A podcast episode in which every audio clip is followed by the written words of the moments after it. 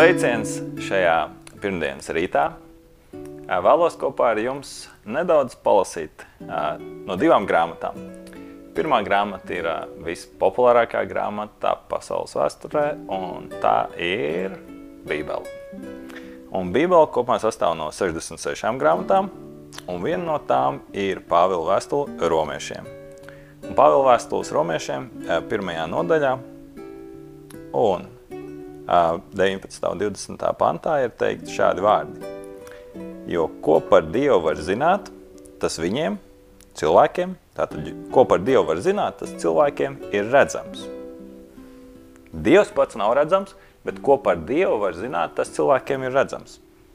Um, un kādā veidā tas ir redzams? Dievs pats viņiem to parāda. Hmm.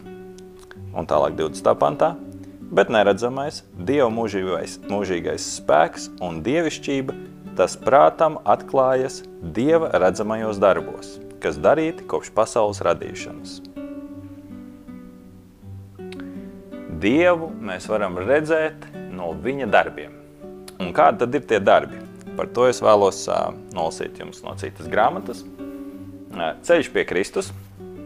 Tāda maza neliela grāmatiņa no Elēnas Vaitas ļoti konspektīvi un vienkārši pastāstīt galvenā kristietības ideja un tas, kādā veidā mēs varam atrast Kristu savā dzīvē, Jēzus Kristu.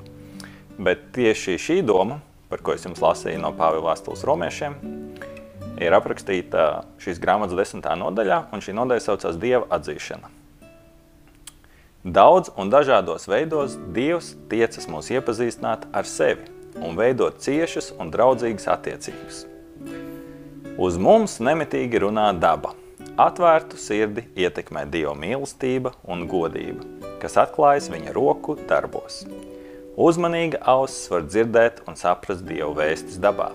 Zaļie lauki, staltie koki, pumpuri un ziedi – Peldošie mākoņi, krītošās lietus lāses, burbuļojušais strauts un debesu krāšņums runā uz mūsu sirdīm, aicinot iepazīties ar visu lietu radītāju.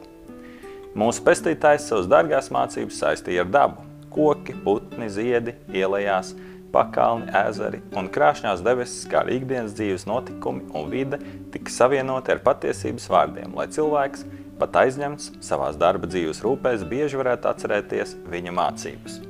Un tā ir, Ja jūs neesat lasījuši Bībeli, jūs varat palasīt kādu no evaņģēlijiem, kas ir jaunās darības pirmās četras Bībeles grāmatas, un uh, tur uh, jūs varat lasīt par Jēzus dzīvi. Tās ir grāmatas, kurā četri autori aprakstā, kā viņi redzēja Jēzus dzīvi, kā viņi to piedzīvoja. Viņi bija Jēzus laika uh, biedri.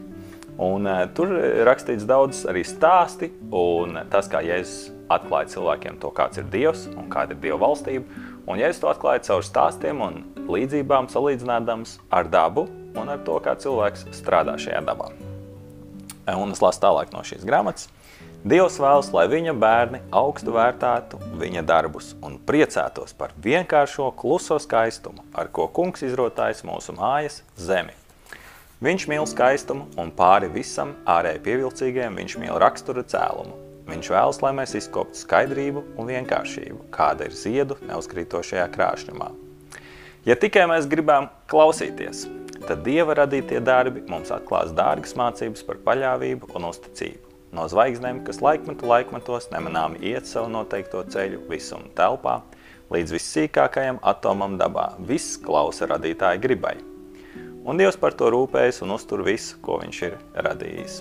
Viņš, kurš vada neskaitāmo pasauļu gaitu visumā, Tajā pašā laikā rūpējas par pelēko zvirbulīti, kas bez bailēm skandina savu vienkāršo dziesmu.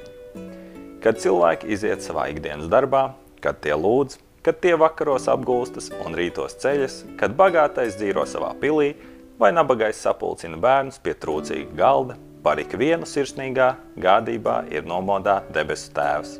Nenorit neviena asare, ko Dievs nepamanītu, nav neviena smaida, ko viņš neievērotu. Dievs ir atklājies mums dabā. Ja mēs ejam dabā, mm, izbaudam dabu, skatāmies, kāda ir daba, mēs tur varam uzzināt par to, kāds ir Dievs. Protams, šajā pasaulē, kurā ir arī daudz ļaunuma un sāpes, un arī mēs kā cilvēki esam daudz ko dabā sabojājuši, var redzēt arī šī ļaunuma un grēka seku iespaidu, bet tomēr šis dieva iespējas ir daudz lielāks, un tas ir ļoti labi redzams dabā, un arī daba kalpo tam, lai mēs kā cilvēki varētu uh, būt mierīgi, būt brīvi, atbrīvoties no stresa, kas mums ir ikdienā. Uh, man personīgi ir uh, ļoti iemīļota lieta doties pastaigās pa mežu. To es daru katru dienu, jo es dzīvoju blakus mežam, un atbraucot mājās no Rīgas, es uh, izēju pastaigāties pa mežu. Tā ir viena no lietām, kā es uh, atslābinos. Un pati mīļākā lieta dabā man ir kalni. Esmu bijis vairākas reizes kalnos, gan vasarā, gan ziemā slēpot. Un kalni ir kaut kas tāds, kas man ļoti mm, stāsta par to, cik varena ir šī daba salīdzinot ar mums kā cilvēkiem, cik īpaši Dievs to ir radījis. Un tajo, tajos esot, es patiešām domāju par to, kāds ir Dievs, kā mūsu radītājs. Un vēl noslēgumā vēlos jums nolasīt pēdējo rindkopu no šīs grāmatas, un tur ir teikts tā, ja tikai mēs tam pilnīgi ticētu, izustu visas nevajadzīgās raizes, mēs nejustos dzīvē tik bieži vīlušies kā tagad, jo it visu, kā lielo, tā mazo, mēs nodotu Dieva rokās, jo viņu nemulsina rūpju daudzums un nenomāc veicamā darba smagums. Tad mēs baudītu dvēseles mieru, ko daudzi šodien vairs nepazīst.